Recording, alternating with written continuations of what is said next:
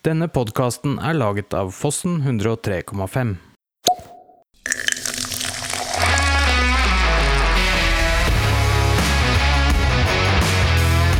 Spis!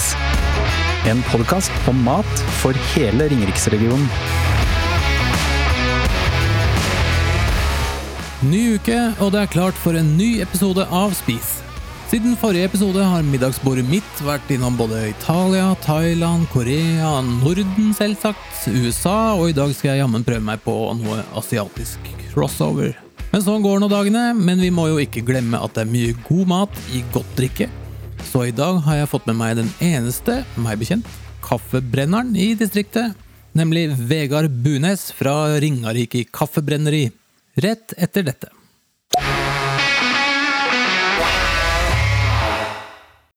Alle har en psykisk helse. Gir din psykiske helse deg utfordringer i hverdagen? Fontenehuset Hønefoss kan tilby en arbeidsplass hvor du er ønsket, verdifull og får brukt dine ressurser. Vi hjelper deg videre til jobb, studier og aktiv samfunnsdeltagelse. Du trenger ingen henvisning eller å fylle ut en søknad. Send oss en e-post, ring eller møt opp på døra, så gir vi deg en omvisning for å se om vårt tilbud er noe for deg. Fontenehuset Hønefoss finner du også på fontenehuset.com. Visste du at annonser i podkaster er tre ganger mer effektive enn i TV-serier? Podkaster har ofte lojale lyttere. Nå kan også du annonsere hos Fossen 103,5. Vi har meget konkurransedyktige priser. Sjekk episodebeskrivelsen. Der finner du en e-post du kan sende dine spørsmål til. Alternativt kan du ta en titt på nettsiden fossen1035.tv.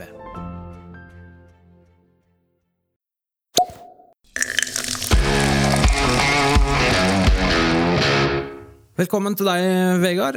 Veldig hyggelig å få besøk fra Ringarike kaffebrenneri. Takk, takk. Du, eh, det, vi må jo nesten avklare dette her med en gang. Ringarike. Eh, Ja.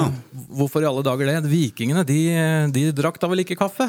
Nei, de gjorde ikke det. Nei, altså det um, Jeg starta jo sånn 2017-2018 og begynte å tenke litt uh, og starte et firma. Og da er det jo litt å kartlegge og tenke litt strategisk hvor- hva, skal man, hva slags profil skal man ha osv. Og, og for meg så var det litt det her med å ha en lokal forankring, en lokal tilknytning, som, som på en måte alle som bor i regionen her kan føle seg på en måte litt kjent med. Uh, og, og også ha noe som er litt mer sånn kanskje en sånn na na nasjonale verdier. Sånn at man, har liksom ja, Man begrenser ikke bare til liksom lokalbygda. Um, og da kom jeg på Ringarike i navnet. Um, det er jo ikke det letteste navnet, og særlig ikke når du skal stave det.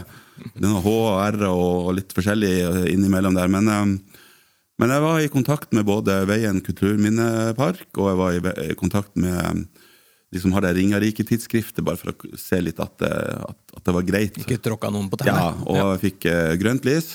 Um, og litt av på en måte, tanken bak det er jo at Ringerike er jo egentlig betegnelse på alle bygdene rundt Tyrifjorden. Uh, og det er helt fra, egentlig fra nesten Eiker, eh, Geithus, Vikersund, opp via Sokna og til Jevnaker og ned rundt Ringerike og Hole. Um, så da tenker jeg at da, da har jeg på en måte noe som identifiserer mer enn bare selve Ringerike og Hole kommune, men som er lokalt. Uh, og så gjenspeiler det også litt av historien i, i området her, sånn at det har en sånn lokal tilknytning på den måten. Så det var litt av bakgrunnen med, med navnet. Og så tenkte jeg også litt i starten da uh, Litt sånn profilering av hvordan skal liksom, liksom bli lagt merke til. Og da, da brukte jeg litt det her med, med Asbjørnsen og Moe. Eventyrfortellingen. eh, De møtes på Norderhov og gikk på skole der og begynte å samle eventyr. Og ikke minst selvfølgelig konge, kongerekka som, som vi har her i Hole kommune, og, og som er veldig, noe som Ringerike Hole er veldig kjent for. Med Olav den hellige og Harald Hårfagre og, og Sigurd Syr og alle de her kongene. Eh, de vokste jo opp bare et lite steinkast fra der jeg bor, så, så det var jo både veldig sånn personlig, men også noe som en sånn nasjonal eh, verdi, da. Ikke sant? Så da brukte jeg det litt i forhold til liksom komme i gang og profilere meg, og følte liksom, fikk liksom en sånn forankring, da. Du, Det er to ting jeg lurer på når du forteller alt dette. For det første, eller lurer på, det ene, Jeg kan bare konstatere at du er jo en grundig type. Eh, Du gjør ting ordentlig, skjønner jeg? Ja, jeg pleier å gå ganske inn i ting som engasjerer meg. Ja. Jeg gjør det. Så eh, På godt og vondt, holdt jeg på å si. Så, eh, men, men jeg føler jo både sånn faglig sett og interessemessig og litt sånn Det å ha litt substans og ha litt kontekst i ting er viktig, da, fordi det øh, Jeg føler i hvert fall at det blir et mer seriøst og bedre produkt. da. Ja, helt klart. Helt klart, Også Det andre var jo at eh, selv om vi nå åpenbart har forstått at du bor i Hole, så kommer ikke du fra Hole. Nei da, jeg er fra Troms, men jeg har, jeg har faktisk hatt opphold her i, fra slutten av 80-tallet. Så familien flytta ned på i 88-89, og så har jeg bodd litt rundt omkring og studert litt i Nord-Norge og sånt, men, øh, men jeg har egentlig hatt mer eller mindre sånn forankring øh, i Hole ja, i over over 30 år. Ja. Ja. Det er lenger enn meg. Ja. Jeg bor også i Hole, da, men ja. jeg er jo egentlig hausbygding. Så det.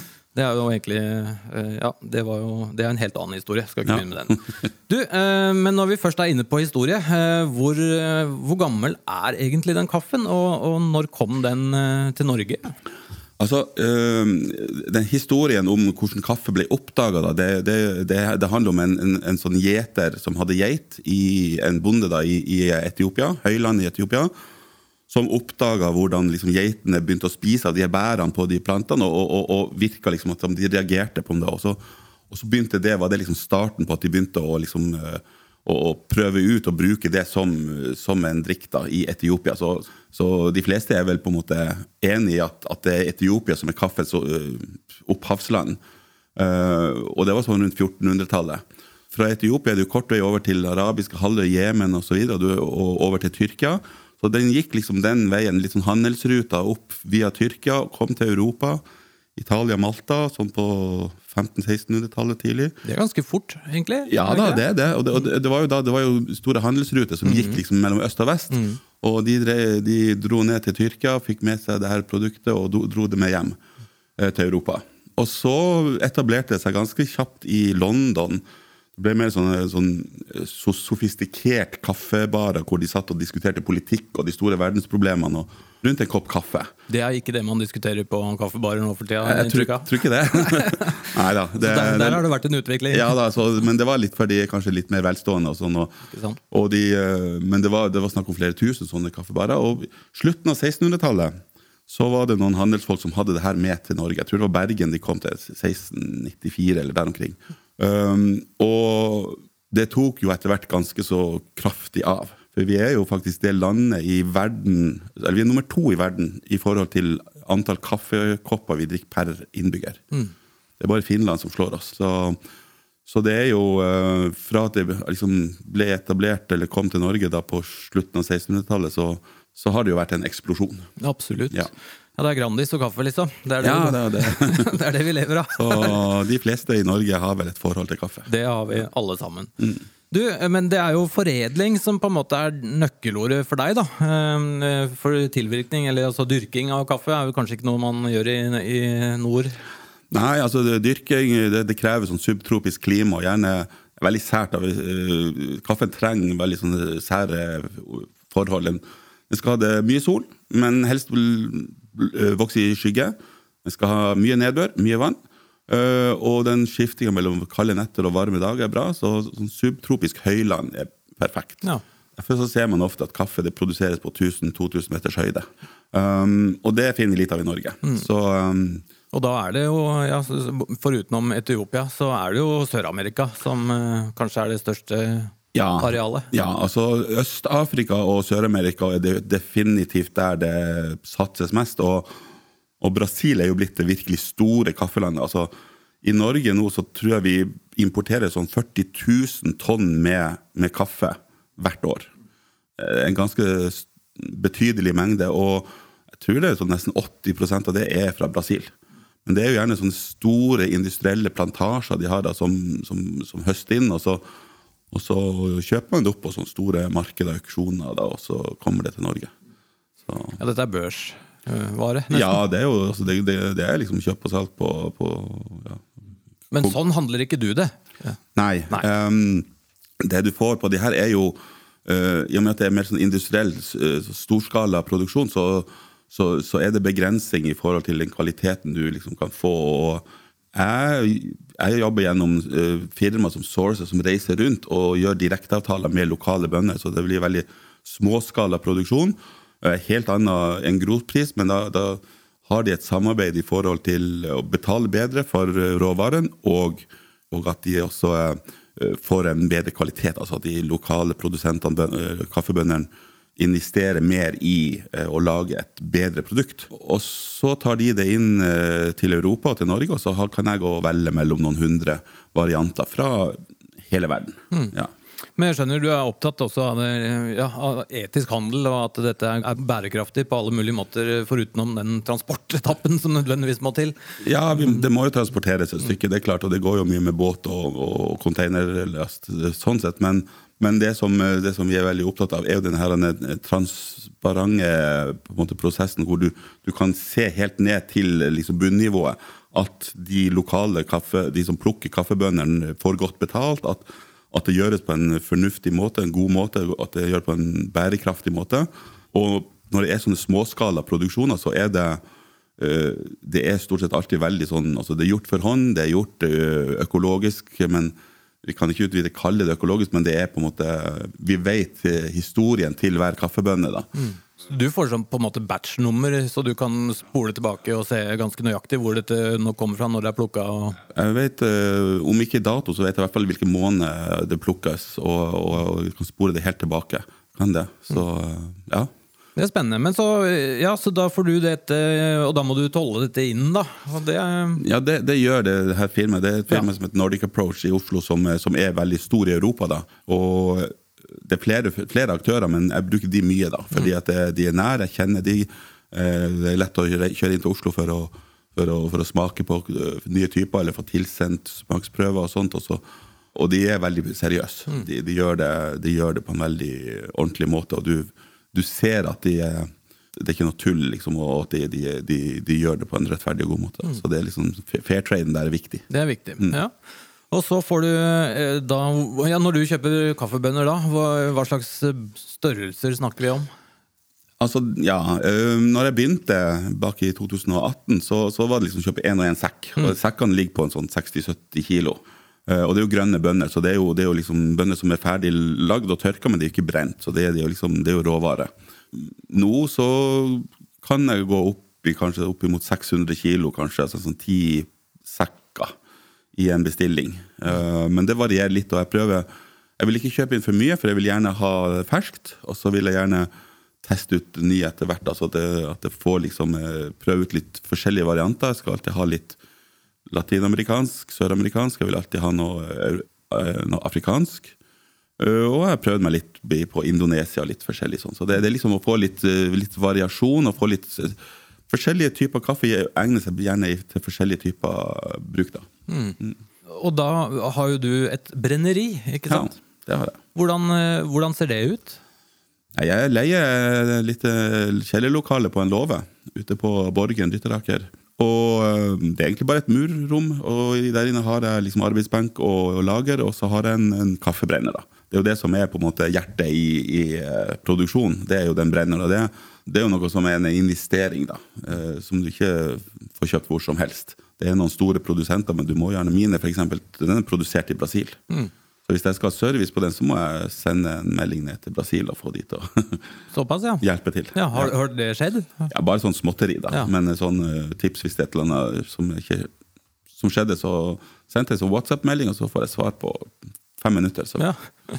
Så de er online? Og, det er veldig service-minda. Ja. Så bra. Så. og da, ja, for Du har på en måte en slags uh, instruksjonsmanual, så du kan du bytte del, slitedeler og Ja da, og nå har jeg jo brukt den veldig mye, og så jeg kjenner jo maskinen. kjenner jo, det, de er jo ganske mye de samme prinsippene, da. Mm. Men uh, men alle merkene er jo forskjellige. Det er som en bil. Ja, jeg skulle til å si det. Dette blir jo litt som en, å ha en, en litt gammel bil som du skrur på sjøl. Ja, så, men det har nå vært uh, skåna fra de store tekniske utfordringene. Så bra. Så, heldigvis.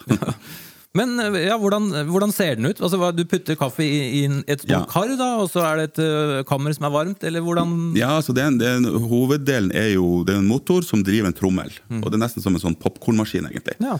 Uh, og det, det, er faktisk mange som bruker popkornmaskiner sånn, sånn, som, som uh, sveiver rundt, til å brenne kaffebønner. Det, det, er mulig. men Da har du ikke den kontrollen. Men jeg, har- du har en, en, plass du mater den, og så har, jeg, har du trommelen, og så justerer jeg på gass, Uh, intensitet, uh, luftgjennomstrømming og altså hvor, hvor mye Hvor eh, kraftig flamme det skal være. Ja, det blir som å stille inn egentlig styrken på en stekeovn. Eh, men så jeg har litt flere muligheter for å justere de forskjellige parametrene.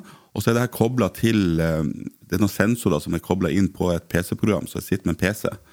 Og så får jeg en profil på alle, alle brenningene mine. sånn at det, jeg, jeg, jeg vet sånn cirka hvordan jeg vil ha det, og jeg, det er litt sånn forskjellige Altså Du skifter kanskje styrke på intensiteten på, på, på flammen, eller du justerer litt ned på trommelhastighet, eller sånne ting. og Da, da prøver jeg å finne profiler som, som gjør at eh, du får det meste ut av kaffebønna. Utrolig kult. Nå ser jeg for meg deg i sånn hvit frakk og med sånn, eh, sånn Ja. eksperimentbriller. Du er, er du litt sånn mad professor? eh? Nei, ikke- helt. ikke helt. nei. Men nei, altså, den maskinen jeg har, den, den er svær. Den veier 200 kilo. Den er to meter høy og to meter lang. Men den har bare en kapasitet på fem kilo. Fem kilo av gangen, ja. Ja, Ja. Så, så det er ikke så store batcher. Nei. Det, Hvor lang tid tar det å brenne fem kilo?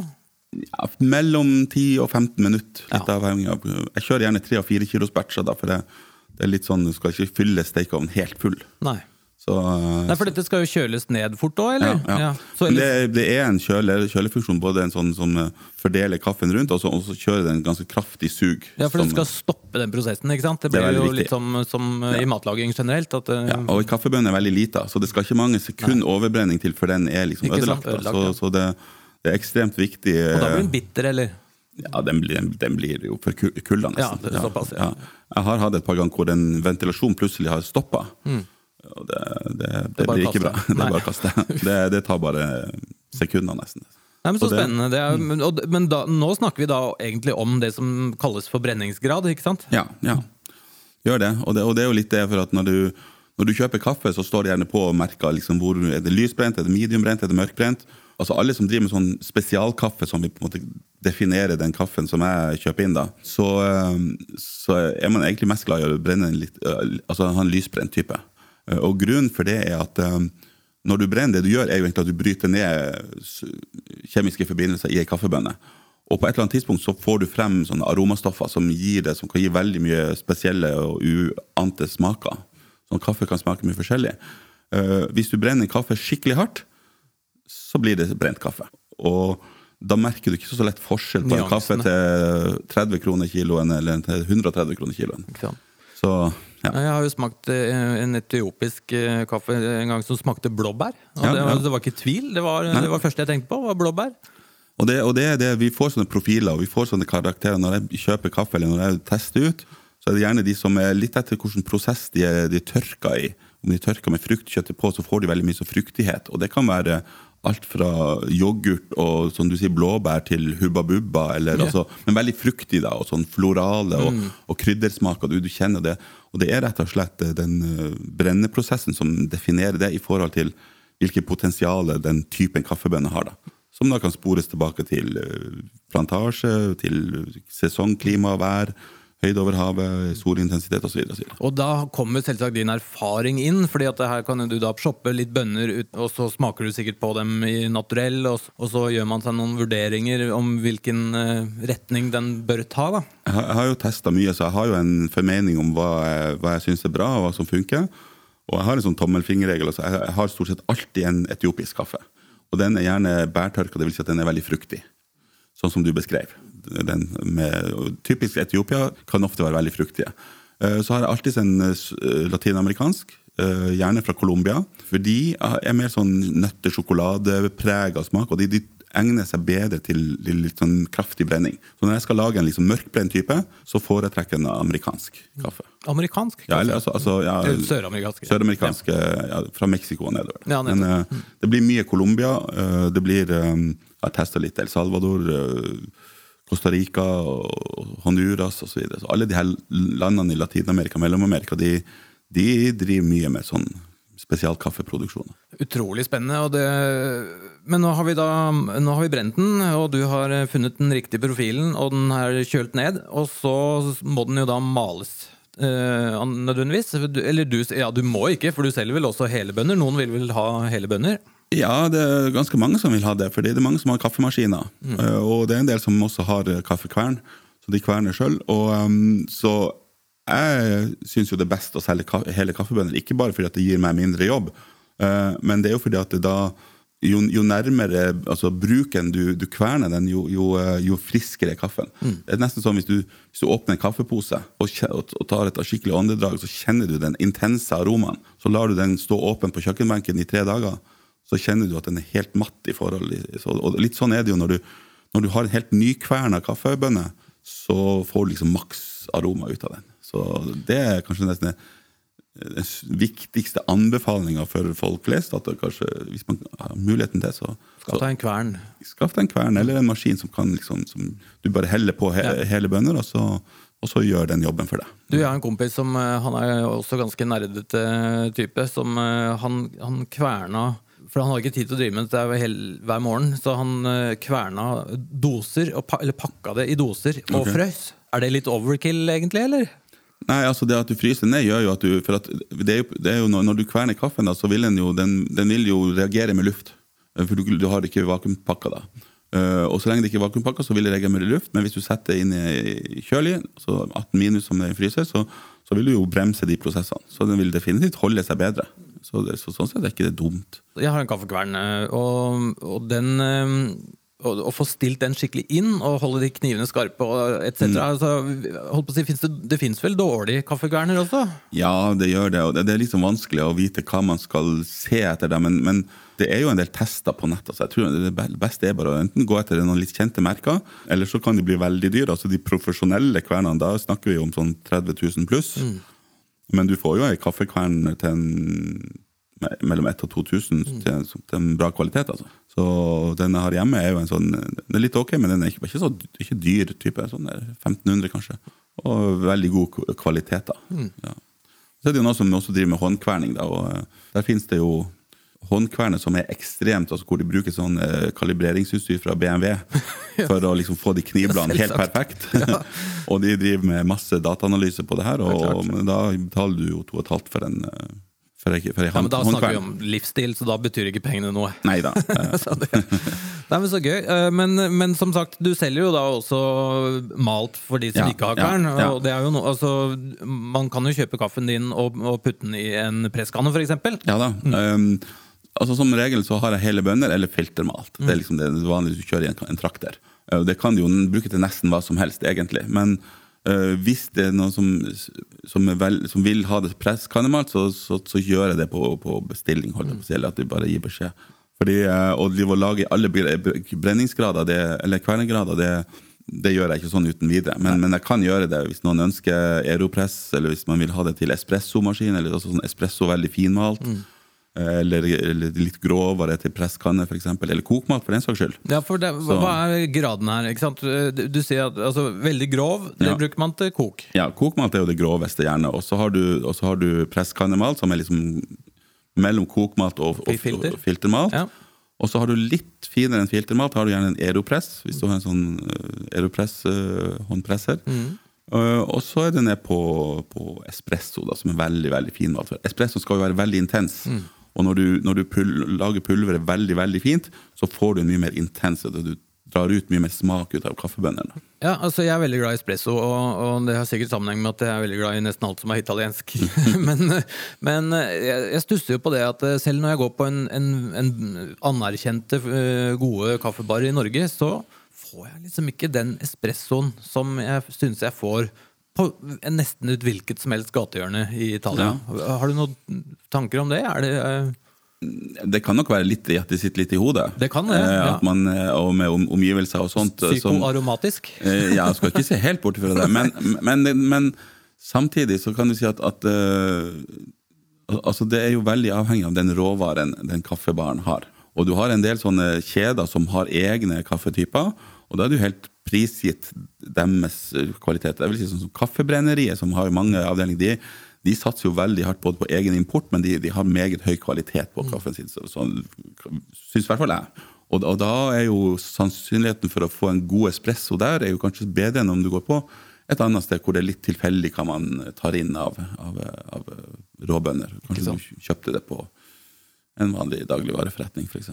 Ja, men Det er jo spennende, alt dette her. Altså, det eneste som jeg Du var innom Aeropress, som jeg så vidt har eh, fått med meg. Jeg har, jeg har sett det, jeg har, ikke, jeg har, aldri prøvd det sjøl. Det, det, finnes noe ja, er det Kald brygg, håndbrygg hva, hva er det liksom spesialiteten her, for de som vil ta det et knepp lenger enn presskanna? Altså, altså, Det som er med sånn som presskanne og aeropress, er jo aeropress er typisk sånn du har med på jobben. Som du kan lage en kopp i, men du lager én og én kopp, så det er klart at det, det, er veldig fint hvis du ikke har tilgang på kaffemaskin. Hvis du skal på fjelltur, f.eks. Ha med deg kaffepulver og du kan koke vann, så kan du bruke den, for den, den, den er helt manuell. Det samme er jo egentlig presskannekaffe. Personlig, så, sånn hjemme, da, så, så det går veldig mye filtermat, altså. Men, men jeg, jeg, har noen sånne håndbryggesett og jeg syns alltid at jeg får best kaffe når jeg brygger det for hånd. Men da, da har jeg en egen, en egen kaffekanne som jeg van, koker vannet på, og den har en lang tut for at det skal liksom få riktig temperatur på vannet når du skal brygge det. Og så har jeg ei vekt som veier altså på grammet, på tidels gram, hvor mye kaffe jeg har oppi. Og vil også, da vil også den, den veie hvor mye vann du tilsetter, sånn at du får riktig forhold. Og den timer. Du skal liksom eh, sånn ideell bryggetid et fire minutter. Mm. For at du liksom putter vann oppi til, du, til den skal være ferdig brygga, så, er det, så, så ca. fire minutter er liksom optimaltida. da. Så, så, det er mange ting å tenke på, men kjøper du noen sånne uh, som er helt manuelle, som, som, det eneste du trenger, er noe til å varme opp vannet, så, så, så er det føler jeg at du, du, har liksom mest kontroll på alle parametrene, og, og, og, og, da blir det mest perfekt. Det der høres ikke ut som noe man gjør mandagsmorgen når det skal smøres tre nistepakker og du Nei. Nei, det, det, er litt sånn man kan ta på, kveld, ta på kvelden hvis man uh, føler at man har lyst på litt ekstra, eller ikke minst hvis man har gjester. Uh, men de, hånd, de håndbryggene de, altså, Kaffetrakteren tar jo unna veldig mye. Mm. Så skal du liksom lage kaffe for uh, seks personer, så, så kan jo håndbrygg bli litt slitsomt. Men for en to-tre personer så, så, er det, ja, det er flere, flere, sånne merker hvor du, som er, du får, det blir veldig bra, rett og slett. Så, får man kjøpt dette utstyret i, vårt, i vår region, eller må ja, da, ja, ja. Altså, det er ikke så mye du får kjøpt på vanlige butikker, da, men du, du har jo f.eks. en firma, firma som heter Kaffa i Oslo.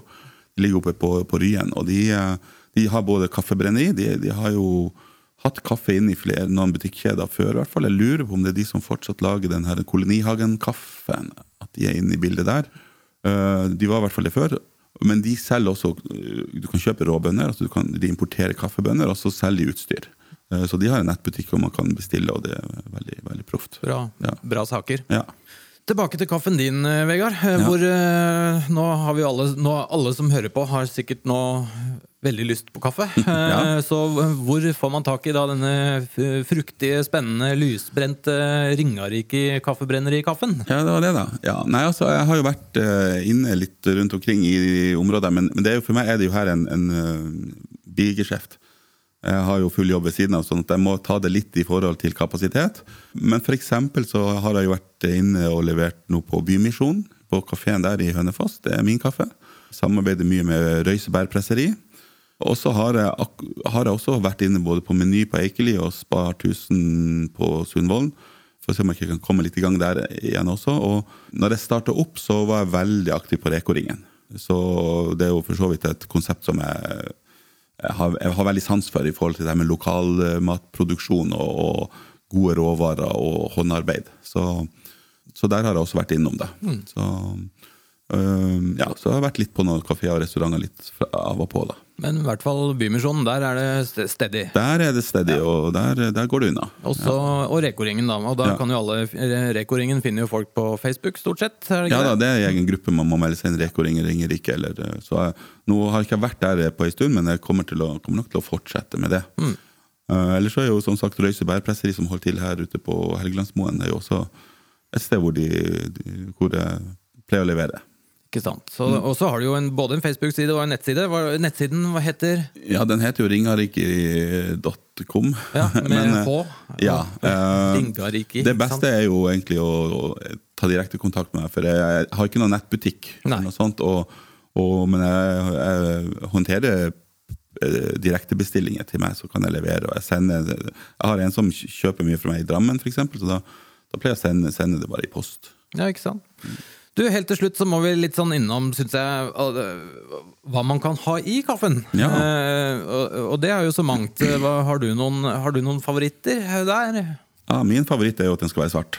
Ja, det er ja. Ja. Altså ikke rør kaffen min. Eh, Ja, jeg er Ikke rot med jeg er kaffen min. der, men, men, men, men det er jo mye godt man kan ha i. Og noen syns kanskje at kaffe, ren kaffe blir litt for intenst. Uh, det vanligste er selvfølgelig melk eller fløte. Uh, Eller sukker, finnes- ja. ja, og noen vil ha sukker også. Få den søta opp litt. Eh, men det er klart det, det finnes jo kaffedrikker og kaffelikører. Det finnes jo øl som er brygga på kaffe. Jeg har jo, når Humbrygg holdt på med, så hadde jeg jo en, leverte jeg jo kaffe til de, f.eks., på en sånn uh, jules, julestout. Så det er jo mange muligheter der, men, eh, men eh, Ja, og kaker, ikke minst. ja, ikke minst eh, ingredienser i mat. Ja, så det er ofte Jeg har også sett faktisk noen gjøre eh, pulled pork med, med, med malte kaffebønner. Ah, ja. Som brukte det som krydder. Ja. Eh, aldri prøvd det sjøl, men det bare så det, jeg tenker det må ha lukta veldig godt. i hvert fall Ja, altså jeg har prøvd, ikke, ikke akkurat det, men jeg har prøvd litt forskjellige sånne varianter. Jeg syns ikke det er alt som, som, som klaffer, da. Nei. Eh, jeg er jo litt sånn sær på det. Jeg syns jo kaffen er veldig god som kaffe. Eh, men å ha kaffe som, som, som smakstilsetting i kake, f.eks., det er jo helt perfekt. Og sjokolade, ikke minst. Så, og det, er jo ting som passer veldig godt sammen, da. For det er jo en litt kontrast i forhold til det søte. Ikke sant? Så nei, man må jo bare prøve seg frem og finne og, eh, en god cappuccino kan være godt. Caffè latte. Altså det, det finnes mange varianter der, og det, det dukker jo opp nesten nye ting stadig vekk. Stadig vekk. Det er man uh... Jeg har en favoritt fra, som stammer fra Tenerife, har jeg funnet ut. Mm. Det er jo, den, den kalles for barraquito. Og det, da legger man altså, det er fem lag eh, i et lite glass. Eh, lite høyt glass, gjerne. Så typisk stort drammeglass. Og så legger man eh, i bånn så legger man et lite lag med kondensert melk. ja. Så det er masse sødme, ikke sant? Og så legger man et eh, lag med, med noe som heter likør 43. Altså det er en, eh, en eh, fruktlikør. Ok. eh, Som, som har et hint av vanilje også. Ja. Men man kan sikkert bruke holdt på å si Sankt Halvard. Altså, Ja, ja. noe sånt noe. Og så legger man et lag med espresso. Mhm. Og så legger man et lag med stima opp melk. Og på toppen så legger man et lag med melkeskum. ja. Og, det, og du skjønner jo her at den, den seige kondenserte melka i bånn renner jo sakte ned fra bunnen. ikke sant? Så du får jo du får mange smaker på en måte Ja, ja, ja, i forskjellige slurker. Ja, ja, ja. Eh, En, eh, så en veldig søt, da, men, eh, men artig kaffedrikk. ja det er artig når du får liksom det der med at du får går gjennom flere forskjellige smaksfaser, og sånt, så, så er det jo ofte kan være veldig bra, det. Mm.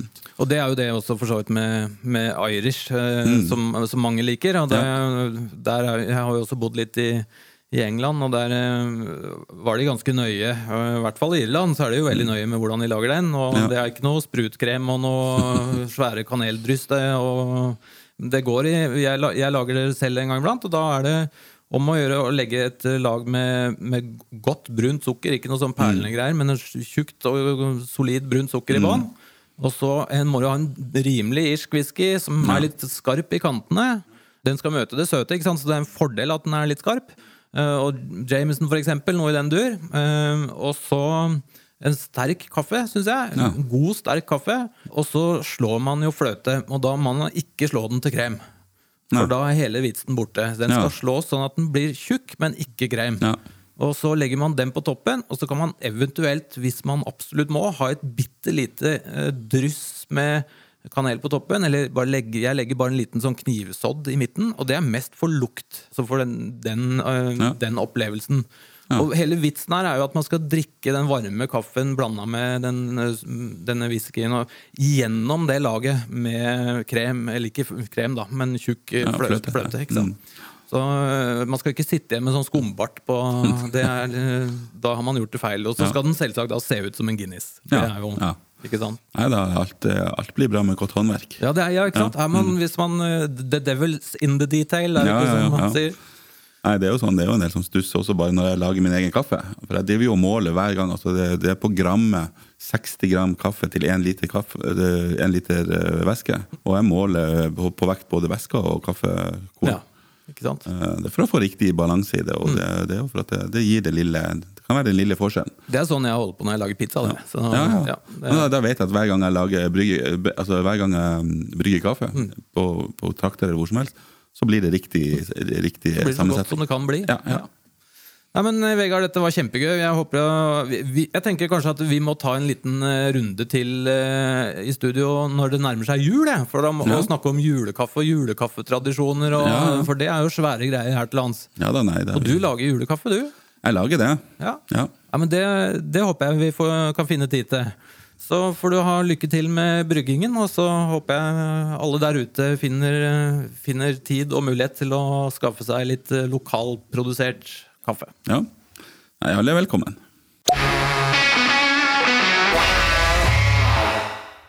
Alle har en psykisk helse. Gir din psykiske helse deg utfordringer i hverdagen? Fontenehuset Hønefoss kan tilby en arbeidsplass hvor du er ønsket, verdifull og får brukt dine ressurser.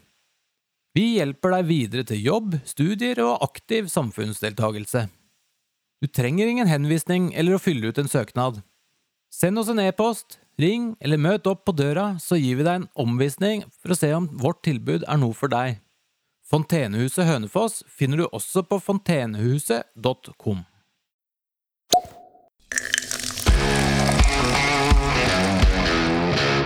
Det var alt for i dag, folkens. Husk at du finner oss på både YouTube, Facebook, TikTok og nå også på LinkedIn. Vi er veldig interessert i tips om spennende gjester og annet matrelatert som foregår i distriktet, så ikke nøl med å ta kontakt. Neste uke så veit jeg rett og slett ikke hvem som kommer enda, men det kommer nok en episode til, og den som lever, får se.